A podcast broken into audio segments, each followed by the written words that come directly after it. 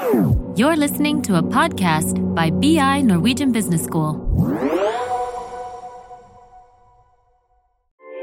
Eh, Jeg er eh, fullt innforstått med at jeg ikke skal jobbe for noe konkurrerende selskap mens jeg er ansatt her, men eh, dette her er jo et yrkesforbud, egentlig. Velkommen til Karrierepraten, en podkast for karriereinspirasjon og innsikt i arbeidslivet fra Handelshøyskolen BI. I studio sitter i dag Ina Jetland og Sigrid Opedal Lyseth, karriereveiledere her på BI. Og I dag skal vi snakke om kontrakter, og til det så har vi invitert inn Fredrik Riise fra Ekona. Velkommen til oss. Takk, takk. Vil du bare si eh, et par ord om, om deg selv? Hva burde lytterne våre vite om deg? Nei, jeg heter Fredrik Riise og jobber som advokatfullmektig i Ekona. Og Der har jeg vært der litt over to år, og vi hjelper jo da veldig ofte studenter med deres arbeidskontrakt når de da skal få sin første jobb etter studiet. Så Der har vi god erfaring, og vi får jo jevnlig inn disse ja, kontraktene som vi ser igjennom. Og så har vi også invitert med oss inn en student, og det er Joakim Witt. Eh, Du har akkurat fullført en bachelorgrad her på BI, og har jo i det siste halve året vært i en jobbsøkerprosess. Eh, Du har jo landet eh, jobb og fått, eh, fått kontrakt, så gratulerer med det. Vi er jo veldig glad for at du vil være med også, fordi at du har jo hatt helt sikkert mange av de spørsmålene som dere studentene lurer på når dere skal vurdere kontrakter. Så veldig glad for at du vil være med. Det vi ofte får spørsmål om, er jo det at studenter, jobbsøkere, står i en situasjon der de har fått tilbud eh, om én jobb og blir bedt om å undertegne en kontrakt, samtidig som det er i andre prosesser fremdeles som ikke er fullført, eller som de ikke har eh, landet helt ennå. Så det kan jo som sagt oppleves utfordrende, men hvordan i all verden skal man håndtere det, Fredrik? Ja, det, det får vi ofte mye kontakt på. ikke sant? Om at Man har kanskje en drømmejobb da, som man ikke har fått landet ennå, men så har du fått et tilbud fra det som du kanskje hadde som nummer to eller nummer tre på listen. Og da er jo det store spørsmålet skal man da signere og eh, eventuelt gå vekk fra avtalen igjen eh, hvis man får landet drømmejobben, eller hva skal man gjøre? Eh, Og der er det ikke noe fasitsvar. Men det som kan være greit, er jo å signere og eventuelt trekke seg fra kontrakten, men der er det viktig at man er ute i god tid. Hva betyr det, da? Ute i god tid? Nei, altså Hvis det er snakk om at du skal ha oppstart i virksomheten etter om en måned, for eksempel, så kan det skape ganske store problemer for arbeidsgiver dersom du trekker deg da i siste liten. Så det kan jo skape et eh, potensielt erstatningsansvar, men eh, det er Hva mener du? Det skjønner jeg. Men god tid, er det et par dager, er det uker? Hva tenker du på? Nei, Da tenker jeg flere uker i forveien. Okay. Ja. Mhm. Men det vi ofte ser er at studenter får gjerne tilbud om kontrakt kanskje ett år i forveien. Ja, altså, men som man går på fjerde eller starten av femte året. Og det at man da trekker seg da fra det til kontrakten eh, et år før man skal egentlig tiltre, det tenker jeg at det, som de fleste tilfeller skal være helt uproblematisk. Det skal egentlig gå bra. Mm. Ja. Det er godt å vite, Mm. faktisk. Men, men litt sånn i forhold til det med at veldig mange blir jo kontakta på e-post. Um, hvor ofte det kanskje arbeidsgiver um, da ber om en bekreftelse på et ønska arbeidsforhold. Vil du da være bundet i samme grad som en vanlig arbeidskontrakt da, før du har signert?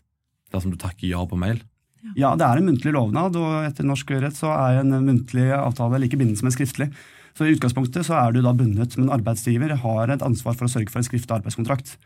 Så det som eh, jeg anbefaler i hvert fall våre medlemmer, er jo å få kontrakten tilsendt først, før man gir noen eh, lovnader. For her eh, gir du egentlig da et samtykke til noe du ikke helt vet hva innebærer. Du har ikke sett kontrakten. Så alltid få kontrakten først, og først da kan du gi ditt endelige samtykke. Mm. Men bør man signere håper å si fort? Kan man vente? Jeg tenker at man skal eh, vente så lang tid man trenger. Eh, hvis arbeidsgiver pusher veldig på, Ja. så er jo det en måte å prøve å eh, altså det, er, det, er, det er en teknikk da, som arbeidsgiver benytter seg av, å gi dårlig tid, slik at man skal presse fram til å gi et samtykke. Ja. Men i mange tilfeller, også disse som får kontrakten ett år i forveien, så driver arbeidsgiver press på. Du må svare innen i morgen. Og det tenker jeg er, eh, det er, det er ikke noe grunn til. Arbeidsgiver bør egentlig gi den tiden som ja, studenten eller personen person trenger for å okay. vurdere tilbudet. Så det, står, det er egentlig sånn at den som skal signere, sitter med litt makt i sin hånd, egentlig. Ja, det er en avtale. Partene Ja. må bli enige.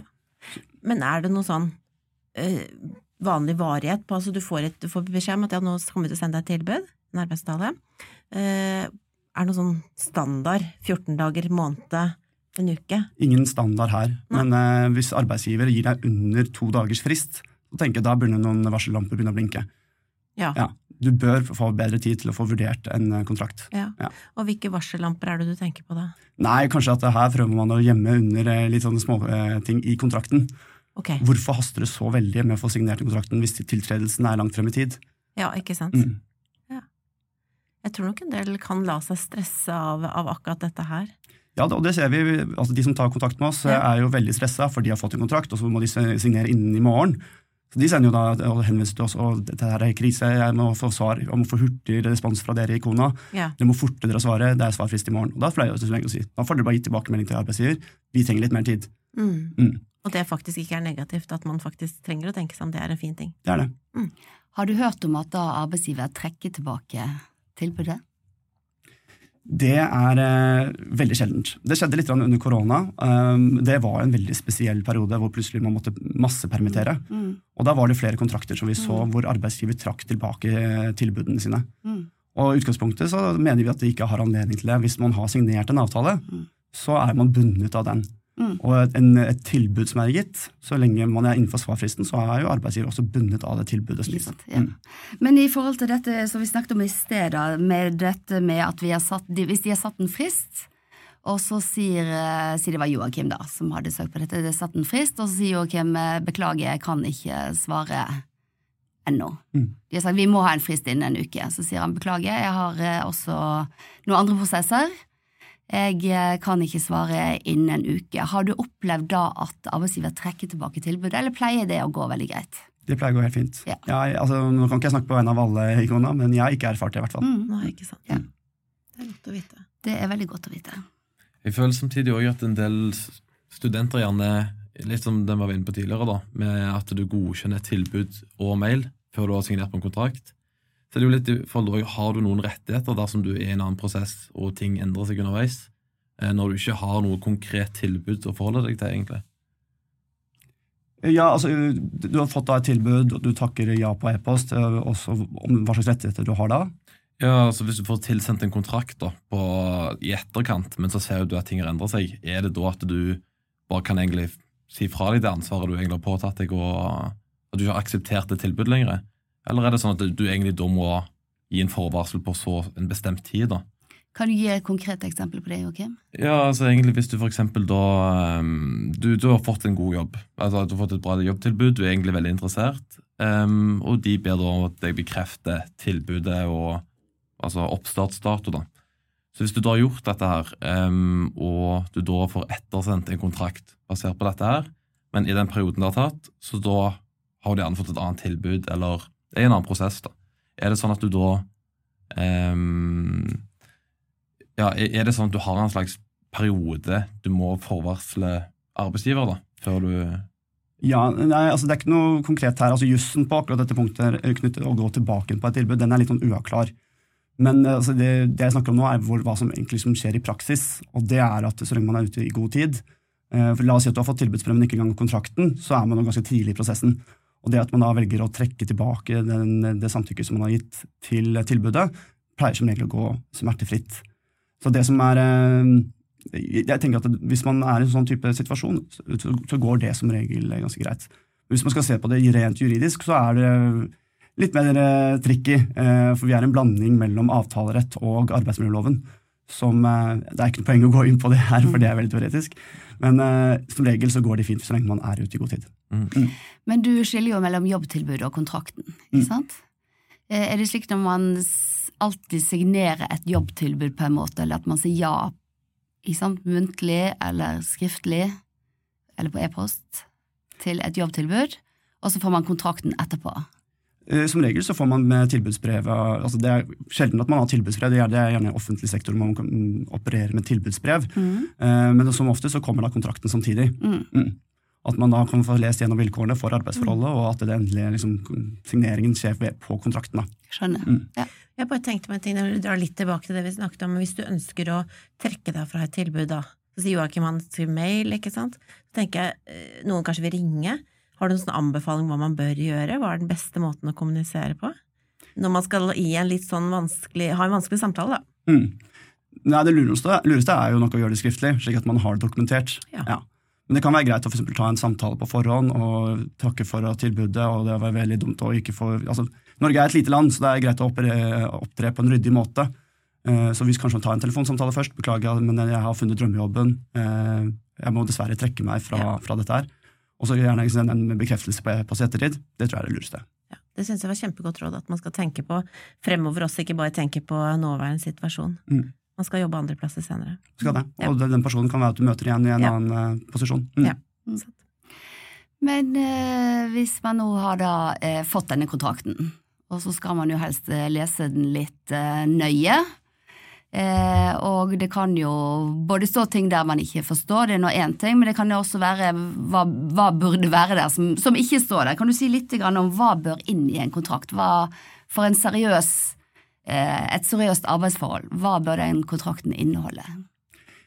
Ja, altså Vi har jo alle disse tingene som minstekravene i en arbeidskontrakt som står i, da i arbeidsmiljøloven. Det er jo ikke typisk der arbeidsgiver bommer. Det er jo typisk der arbeidsmiljøloven er taus. At man må, liksom se litt etter. Ja, for dette er interessant. Hvor bommer arbeidsgiver? Nei, altså, Det er ikke alltid nødvendig. Så de bommer, men de utnytter seg av de mulighetene som er i arbeidsmiljøloven. Altså Arbeidsmiljøloven er egentlig ganske generell, og at man kan avtale ganske mange unntak. Og da er det slik at Hvis ikke arbeidsmiljøloven direkte regulerer det, så er det avtalefrihet. At man kan avtale hva man vil. Så Det er jo for ting som bør inn i kontrakten, og, det, og spesielt da nyutdannede er jo kanskje i en etableringsfase. Og da er det jo veldig lurt å sørge for at man har full lønn under foreldrepermisjon. Mm. Eh, fordi når man er under foreldrepermisjon, så er det folketrygden, som, eh, eller Nav, da, som gir er lønnsmidler. Men der er det en øvre begrensning på 6G. Og nå i 2022 så er 6G rundt 670 000. Og så tenker de fleste ja, men ok, det er jo ikke noe problem det, jeg har jo fått et tilbud på 500 000, og da er jo sikkerhet egentlig full lønn. Og det stemmer kanskje for det øyeblikket, men det tar ikke lang tid før man er over 6G-grensen som nyutdannet. Altså Lønnsstigningen er ganske bratt de første årene i arbeidslivet. Så det er gjerne etter to-tre år i arbeidslivet så, så er du over den G-begrensningen. Og da er det kjipt da, hvis du har en inntekt da på 800 000, og så skal du ut i foreldrepermisjon i et år. Da har du et inntektstap på 130 000. Ja, Mm. sant. Så det gjelder både det og med sykdom, for der er det også en G-begrensning. Så det er jo noe av det første vi ser på. Har man full lønn under sykdom og foreldrepermisjon? Ok. Mm. Ja. Andre, andre Og ting? ferie, er det noe som burde inn i kontrakt? Ja, for det er også ferieloven gir jo utgangspunkt til fire uker og én dag ferie. Men så er det veldig vanlig for Konas medlemmer da, å klare å forhandle seg fram til fem uker. Og det er jo en standard vi også har i våre tariffavtaler, at man skal ha fem ukers ferie. Men må man ta det sammenhengende, eller hvordan er eh, Eller kan man bestemme det selv? Ja, så Man har jo en uh, hovedferieperiode som, uh, man, hvor man har rett på da inntil tre uker sammenhengende. Men uh, du har ikke den direkte rett til å få plassert ferien din. Du har en drøftelsesrett, så det vil si at du kan si til arbeidsgiver jeg ønsker å ta ferien min ut i denne perioden. Men hvis arbeidsgiver da sier nei, det passer ikke, så er det arbeidsgiver som bestemmer. Ikke sant. Men, men litt si om du er ute på en ferie, da, og det er veldig, er veldig lite bemanning på arbeidsplassen. Ja. Er det sånn at de da har noen rett til å på en måte tilkalle deg eller hasteinnkalle deg fra ferie? da? Ja, altså Arbeidsgiver kan i helt spesielle situasjoner tilbakekalle din ferie. Eh, Da har de en erstatningsplikt, så hvis du for har bestilt noen flybilletter, så må arbeidsgiver erstatte det. Heldigvis så har jeg svært sjelden sett at arbeidsgiver avbryter ferie. Man, arbeidsgiver selv har jo også ønske om å få fullført sin egen ferie, så de, de vet hvor mye, ja, eh, hvor mye det hardt går, går inn på en arbeidstaker at man avbryter en ferie. Da. Og eh, ja, akkurat nå er jo arbeidsmarkedet godt også, så da vet vi at eh, kanskje sannsynligheten for at vedkommende kommer til å slutte eh, når jeg avbryter ferien til, til arbeidstakeren, ja, den er til stede. Ja, ikke Mm. sant. En annen ting jeg tenkte på også, da. Overtid. Eh, hvordan fungerer det? Eh, ja. Ja, nei, også overtid det er jo at man har rett på en ekstra godtgjørelse hvis man blir eh, beordret til å jobbe utover den alminnelige arbeidstiden. ja, for det er litt viktig at du, du kan ikke bare jobbe overtid, du må ha avtalt det, er det du sier? Ja, arbeidsgiver må ha pålagt det. Ja. Eh, Det er jo også mange virksomheter som har en avtale internt, da, at man selv for bestemmer når man skal jobbe overtid og når man ikke skal det, men det er vel mer unntaket enn regelen. Eh, I de aller fleste tilfeller så må arbeidsgiver beordre deg til å jobbe overtid. Mm. Og så er det det der spesielle dette med hvis du jobber deltid, da, eh, så har du ikke nødvendigvis rett på overtid selv om du jobber lengre enn det som er eh, avtalt. For der er det arbeidsmiljølovens eh, alminnelige arbeidstid, som er da 40 timer i uken og 9 timer hver enkelt dag. Så la oss si du jobber fem timer i dag, og så blir du pålagt å jobbe to timer, så det er syv timer. Da er vi fortsatt innenfor den nitimersgrensen, og da får du ikke overtid for det. Det er en fin presisering, egentlig, for det er jo mange som jobber deltid under studiene. Mm. Så de kan ikke det, er ikke det er ikke gitt at de har krav på overtidsbetaling da. Nei, det er først når de bikker da over eh, 100 altså 40 timer for en enkelt uke, eller 9 timer for en enkelt dag. Skjønner. Mm. Ja. Ja, jeg satt egentlig og tenkte litt på dersom du er på jobb, da, ehm, og så er det gjerne Noen har gjerne en butikkjobb, eller noen har noe tilsvarende, da, hvor det kanskje kan bli veldig mye trøkk en periode. da. Hvis du da egentlig skal jobbe frem til klokken åtte, men uh, så er det så mye trøkk at du gjerne må jobbe til klokken ni, da. Jeg, jeg forstår jeg det sånn at du fortsatt egentlig ikke har rett på noen overtid eller godtgjørelse for den ekstra tiden, da? Altså, du, har jo rett på lønn, selvfølgelig. Mm. Du får da alminnelig lønn hvis man er da innenfor eh, den nitimersgrensen. Men hvis du da for har jobbet eh, fra morgenen av da, og er på grensen til ni timer, så vil det jo selvfølgelig være overtid for de siste timene. Så hvis du jobber da tolv timer, ja, da er det tre timer du har på overtid på. Så er det jo da loven legger opp til et 40% tillegg, uansett når på døgnet dette er. Men i de fleste tariffavtaler så har man avtalt en forhøyet overtidssats. Så for i staten så er det økt av den generelle overtidssatsen til 50 mens da etter klokken åtte og fram til klokken seks om morgenen så er den 100 Ja. Det samme da også i helger. Mm. Så det er lurt med tariffavtale. Der kan man avtale seg bedre vilkår enn det man har eh, i en eh, arbeidsforhold for øvrig. Jeg syns jeg har hørt at man ikke alltid behøver å følge tariff, stemmer det? Ja, altså det, altså hvis du er tariffbundet, altså en virksomhet som er bundet av en tariff Det skjønner jeg. mm, Men det kan det finnes eh, selskaper som også ikke følger tariff. Ja. Ja. Det så lenge det ikke er bundet av en tariffavtale, så er det ikke bundet av det. Mm. Så det betyr at da har man ikke så mye rettigheter. Nei. Nei. Nemlig. Og det er jo dessverre et tilfelle for mange av Ekonas medlemmer. De jobber da i private virksomheter hvor det ikke er noen tariffavtale. Mm. Mm. Er det sånn at du anbefaler å, å, å se etter spesielt tariffavtale når du skal søke jobb, eller er det liksom, har det ikke så mye å si eh, som arbeidstaker? da? Ja, tariffavtaler har mye å si for, en arbe altså for arbeidstaker, for den sikrer jo visse minstebestemmelser. Og det er veldig normalt for, eksempel, for Ekonas eh, tariffavtaler at man for er sikret da, full lønn under sykdom og permisjon. Man har også sikret den femte ferieuken. Man har sikret medbestemmelse ved at det tillitsvalgte kan si fra til arbeidsgiver hvis noe er gærent. Altså, alt dette er kjempefordeler. Ja, Ja. det skjønner jeg. Så det er jo et veldig pluss hvis man er i en virksomhet og det er en tariffavtale der, for da slipper du å ta veldig mange av disse fightene selv. Dette gjelder jo da selvfølgelig om både om du har deltidsjobb eller heltidsjobb. Ja. Jeg tenkte på en annen ting du sa i stad, dette her med, med eh, bonusavtaler. Om du kan forklare litt eh, rundt det? Ja, for her må vi skille mellom to ting. Eh. Man kaller det gjerne bonusavtale, men i færreste tilfeller så er det en faktisk en avtale. Det er eller en bonusordning. Ja. Så ofte i kontrakter så står det sånn at eh, arbeidstakere følger en til hver tid gjeldende bonusordning. Og det egentlig det betyr, er at arbeidsgiver står fritt til å bestemme vilkårene. Så arbeidsgiver kan da, uten at man skal drøfte med noen, at eh, vilkårene endres fullstendig, eller beregningen skal endres, eller at man plutselig sier at eh, å nei, du, du har valgt å si opp, ja, men da får du ikke bonus allikevel. Nei, så den er de herre over mer enn den andre avtalen, Ja. arbeidsavtalen. For Hvis du har da en bonusavtale, ja, da må, kan ikke arbeidsgiver stå fritt. De er bundet av den avtalen som er inngått av med en enkelt arbeidstaker. Og da er de vilkårene som står i bonusavtalene, bindende. Ok, så da forstår jeg det rett at da anbefaler du hvis som mulig å inngå en nei, bonusavtale Stemmer. og gå bort fra ordning hvis mulig.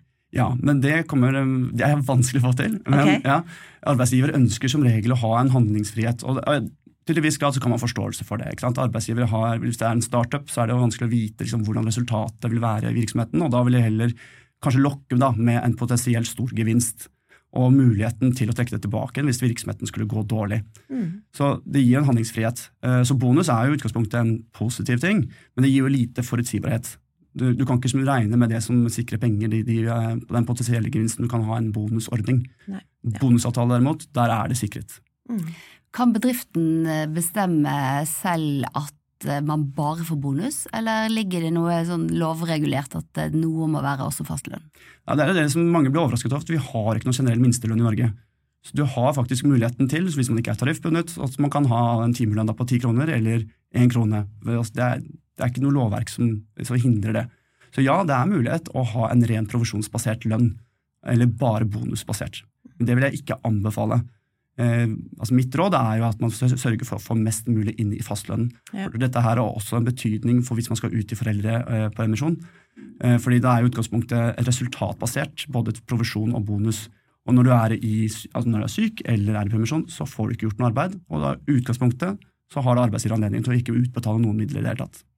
Nemlig. Med mindre annet er avtalt. da. Ja, så det, Hvis man ser at man går inn i en avtale med mye bonus, så bør man virkelig vurdere også sin, egne, sin egen livssituasjon og hvor avhengig man er av fast inntekt eller av inntekt eh, jevnt. Nettopp det. Mm. Så ja, øh, vurder det. Hvis du er i en posisjon hvor du kan ha litt sånn flex, ja, da kan jo det være en øh, potensiell gevinst, for bonusen vil jo ofte være høyere enn det man eventuelt ville fått da i en grunnlønn. Så man får vurdere egen situasjon, som du sier. En annen ting som mange studenter lurer på, er jo dette med prøvetid. Er det normalt? Det er helt normalt.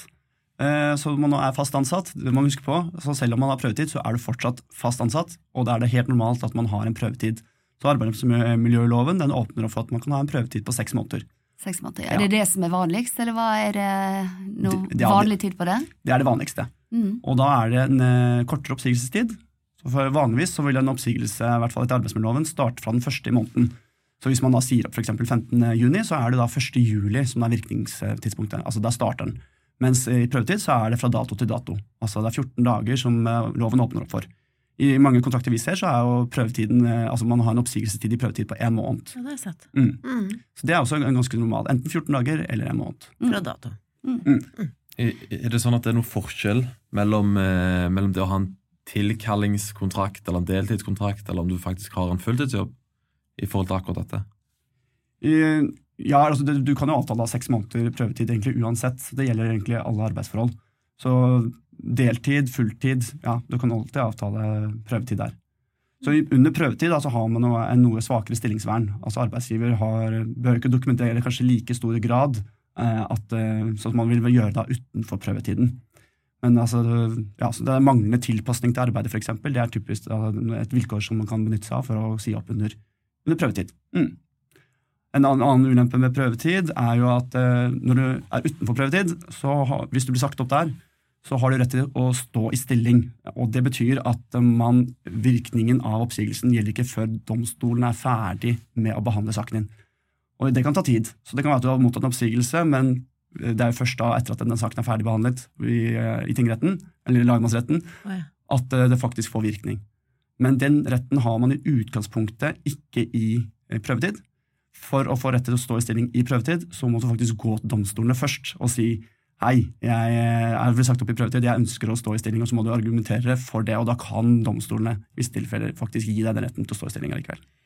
Dette er veldig nyttig. Det jeg begynte med i starten, Fredrik, var jo å si, spør, si litt hva er konsekvensene av å ikke kunne godt nok om kontrakter, og det er jeg litt sånn nysgjerrig på. Har du liksom noen sånn worst case du har hørt om hva kan skje hvis man ikke setter seg inn i dette? Nei, altså det, det var så mangt. Altså det jeg kom på i farten her, var jo en kontrakt hvor det var en topplederstilling, hvor da man hadde sagt fra seg stillingsvernet.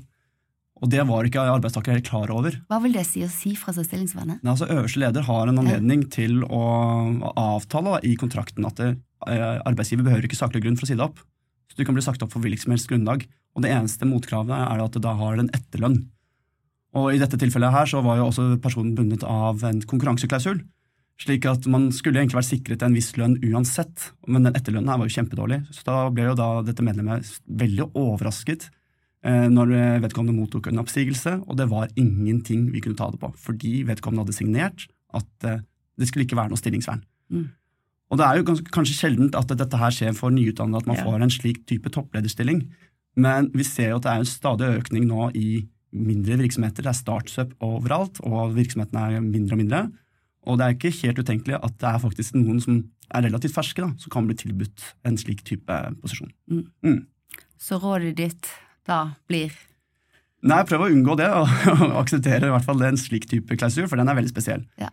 Men, altså, ja, hvis du tar, jeg kan prøve å ta noen andre eksempler som kanskje er litt mer relevante. hvis du, Gjerne. ja. Kjør på.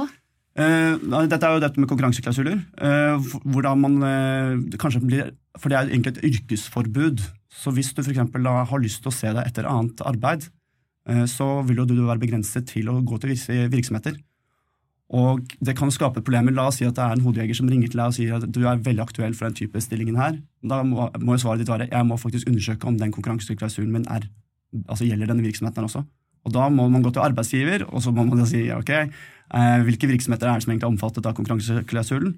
Og da har arbeidsgiver fire uker på seg til å svare deg. Og fire Nei. uker er lang tid i en slik type rekrutteringsprosess. Å ja. Mm. Men hvem sitter på den informasjonen i bedriften?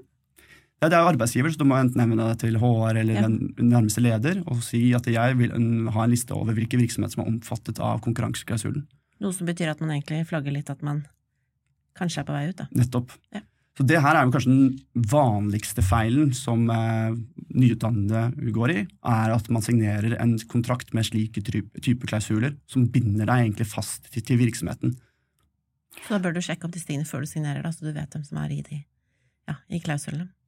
Ja, så, så altså Mitt råd er jo å sende inn kontrakten til eh, Hvis du er medlem av Ikona, så kan du sende din eh, kontrakt inn til oss, og så ser vi gjennom det, og så gjør vi deg oppmerksom på disse tingene. Og kan man da si nei til konkurranseklausul da? I en kontrakt? Kan man si nei til enkeltdeler av en kontrakt? Det er jo en forhandling. Ja. Så hvis du har fått et tilbud med en konkurranseklausul, så er jo mitt råd å, å gå tilbake til arbeidsgiver og si at Mm. her ser jeg veldig mye bra ut, og jeg har veldig lyst til å jobbe der, men den konkurranseklausulen, den syns jeg ikke noe om. Eh, Jeg er eh, fullt innforstått med at jeg ikke skal jobbe for noen konkurrerende selskap mens jeg er ansatt her. Så det, Dere har jo selvfølgelig min fulle lojalitet, men eh, dette her er jo et yrkesforbud, egentlig, og den passer ikke helt for meg. Så bra. Nyttig, tenker jeg. Tusen takk, Fredrik, for at du kom. Tusen takk for at jeg fikk lov til å komme hit. Veldig nyttig å lære mer om dette. Takk, Joakim, og lykke til Jo, ut i, ut i jobb på den andre siden etter studielivet. Det blir spennende.